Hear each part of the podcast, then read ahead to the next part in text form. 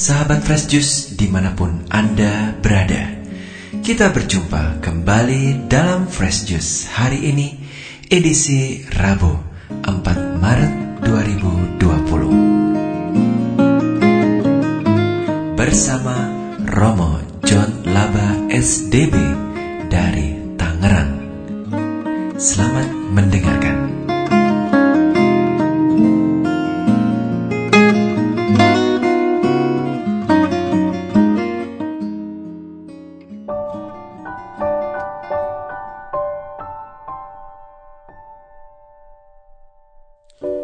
Saudari dan saudara yang dikasih Tuhan, kita berjumpa lagi dalam Daily Fresh Juice pada hari ini, hari Rabu, Pekan Prapaskah yang pertama.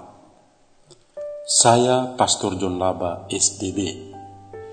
Sumber inspirasinya, sambil dari Injil hari ini, Injil Lukas, bab 11 ayat 29 sampai dengan 32. Sekarang saya bacakan. Sekali peristiwa, Yesus berbicara kepada orang banyak yang mengurumuni dia. Angkatan ini adalah angkatan yang jahat. Mereka menghendaki suatu tanda, tetapi kepada mereka tidak akan diberikan tanda selain tanda Nabi Yunus. Sebab seperti Yunus menjadi tanda untuk orang-orang Niniwe, Demikian pula lah anak manusia akan menjadi tanda untuk angkatan ini. Pada waktu penghakiman, ratu dari selatan itu akan bangkit bersama orang dari angkatan ini, dan ia akan menghukum mereka. Sebab ratu ini datang dari ujung bumi untuk mendengarkan hikmat Salomo, dan sesungguhnya yang ada di sini lebih daripada Salomo. Pada waktu penghakiman, orang-orang Niniwe akan bangkit bersama angkatan ini, dan mereka akan menghukumnya, sebab orang-orang Niniwe itu bertobat waktu mereka mendengarkan pemberitaan Yunus, dan sesungguhnya yang ada di sini lebih daripada Yunus. Demikianlah Injil Tuhan kita. Terpujilah Kristus.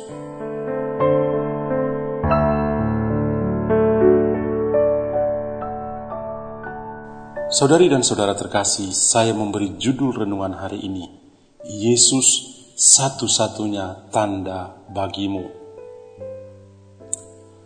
Ada seorang umat yang membagikan pengalamannya setelah mengikuti jalan salib pertama di masa prapaskah, yakni pada hari Jumat 28 Februari 2020 yang lalu. Ketika itu, ia berusaha untuk memandang wajah Yesus dalam setiap peristiwa di stasi Jalan Salib, mulai dari stasi pertama sampai dengan stasi yang ke-14. Ia mencoba untuk masuk lebih dalam lagi dalam permenungan di setiap stasi jalan salib itu. Dari situ ia menemukan dua pengalaman singkat yang dibagikan berikut ini. Pertama, dia benar-benar merasa seperti debu di alas kaki Tuhan, sebab dia orang berdosa. Yesus mencintai orang berdosa, dan salib adalah tanda keselamatan. Kedua, dia merasa terpesona karena Tuhan Yesus selalu memandangnya dengan wajah yang penuh belas kasihan.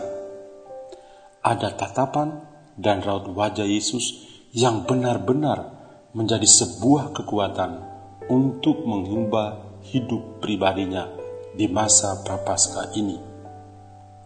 Dia merasa yakin bahwa Yesus sungguh-sungguh menjadi tanda keselamatan Allah baginya. Saya merasa yakin bahwa masing-masing kita memiliki pengalaman iman yang luar biasa setiap kali mengikuti jalan salib. Setiap stasi jalan salib seakan menjadi tanda yang dapat mengubah kehidupan kita untuk memiliki relasi kasih yang terbaik dan mendalam dengan Tuhan Yesus sendiri, dan juga dengan sesama manusia yang ada di sekitar kita. Pada umumnya, salib yang kita renungkan itu bukan hanya sekedar sebuah kayu yang kasar sebagai tempat tubuh Yesus disalibkan. Salib adalah tanda keselamatan. In cruce salus. Pada salib ada keselamatan. Karena Yesus yang tersalib menyelamatkan kita dengan kasihnya. Santo Paulus mengatakan, sebab pemberitaan tentang salib memang adalah kebodohan bagi orang yang akan binasa. Tetapi bagi kita yang diselamatkan, pemberitaan itu adalah kekuatan Allah. Salib adalah kekuatan Allah. 1 Korintus bab 1 ayat ke-18. Di bagian selanjutnya, Santo Paulus juga mengatakan, Tetapi kami memberitakan Kristus yang disalibkan untuk orang-orang Yahudi suatu batu sandungan, dan untuk orang-orang bukan Yahudi suatu kebodohan. 1 Korintus bab 1 ayat 23. Salib bagi kita adalah tanda keselamatan dan merupakan kekuatan dari Allah. Pada hari ini kita mendengar sebuah kisah Yesus dalam Injil Lukas. Setelah seorang perempuan memuji ibu Yesus dengan berkata, "Berbahagialah ibu yang telah mengandung engkau dan susu yang telah menyusui engkau." Maka Yesus menjawab perempuan itu, "Yang berbahagia ialah mereka yang mendengarkan firman Allah dan yang memeliharanya. Perkataan Yesus ini mengagetkan banyak orang yang sedang mengurumuni dia saat itu. Sebab mereka memang mendengarkan firman Allah yang keluar dari mulut Yesus, tetapi belum memeliharanya di dalam hati mereka. Mereka belum memiliki kebahagiaan sejati karena kuasa perkataan-perkataan Yesus yang mereka dengar sendiri secara langsung. Mereka malah meminta tanda yang membuktikan bahwa Yesus sungguh-sungguh memiliki kuasa dalam setiap perkataan dan tindakannya.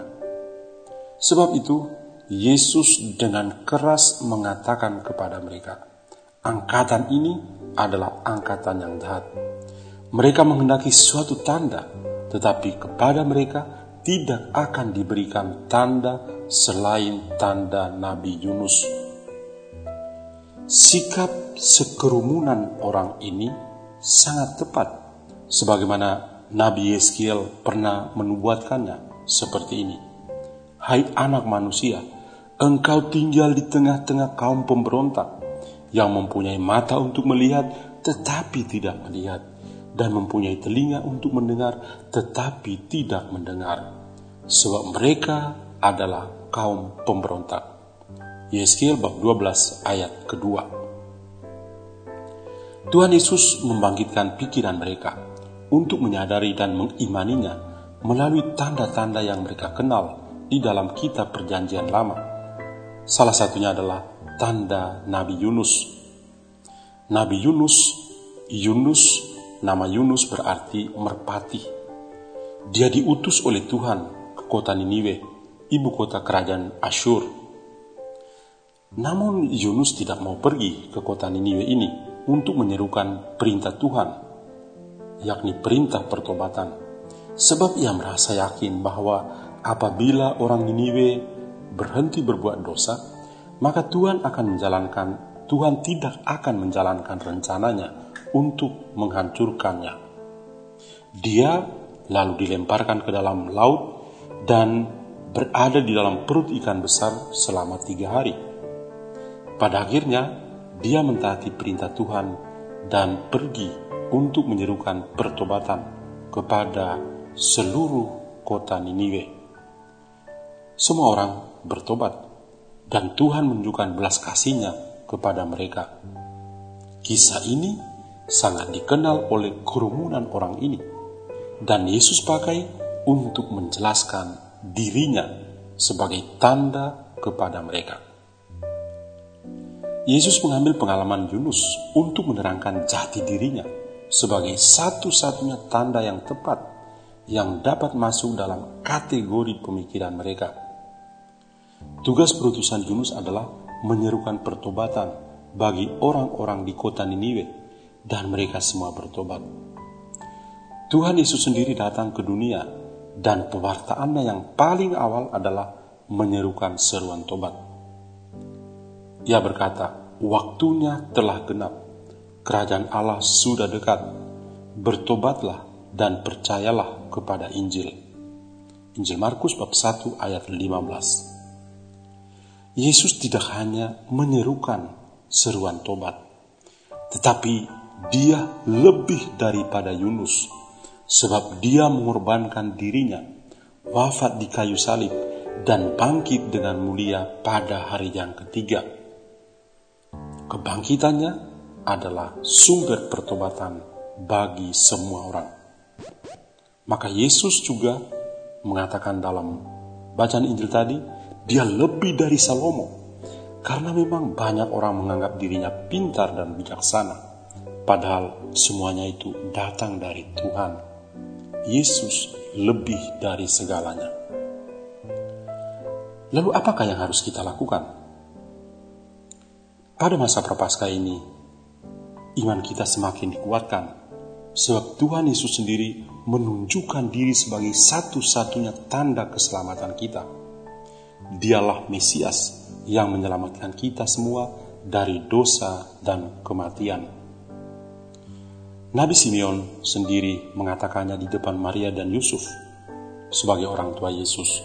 Sesungguhnya anak ini ditentukan untuk menjatuhkan atau membangkitkan banyak orang di Israel dan untuk menjadi suatu tanda yang menimbulkan perbantahan dan suatu pedang akan menembus jiwamu sendiri supaya menjadi nyata pikiran hati banyak orang.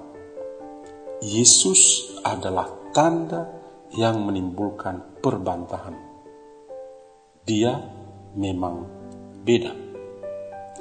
Hal konkret yang harus kita lakukan dalam masa prapaskah adalah bertobat, dan membaharui diri kita di hadapan Tuhan sendiri. Tuhan Yesus juga menghendaki agar kita berpegang teguh pada sabdanya sebagai tanda. Orang yang berbahagia adalah mereka yang mendengar sabda dan yang memeliharanya sehingga menghasilkan buah. Maka hal konkret yang dapat kita lakukan juga adalah aktif menghadiri pertemuan APP di komunitas basis atau di lingkungan supaya kita tetap menyatu dan akrab dengan sabda Tuhan. Dengan demikian, Yesus sungguh menjadi tanda belas kasih Allah bagi kita yang kita temukan di dalam kitab suci. Marilah berdoa. Ya Tuhan Yesus, kami bersyukur kepadamu karena engkau selalu berbelas kasih kepada kami, orang-orang berdosa. Bantulah kami untuk bertobat dan percaya kepada Injilmu. Semoga kami juga percaya bahwa salibmu adalah keselamatan bagi kami. Amin. Dan kiranya kita semua sepanjang hari ini senantiasa dilindungi dan diberkati oleh Allah yang Maha Kuasa, Bapa dan Putra dan Roh Kudus. Amin. Tuhan memberkati kita semua. Sahabat Fresh Juice, kita baru saja mendengarkan Fresh Juice Rabu 4 Maret 2020. Segenap tim Fresh Juice mengucapkan terima kasih kepada Romo John Laba untuk renungannya pada hari ini. Sampai berjumpa kembali dalam Fresh Juice edisi selanjutnya. Salam Fresh Juice.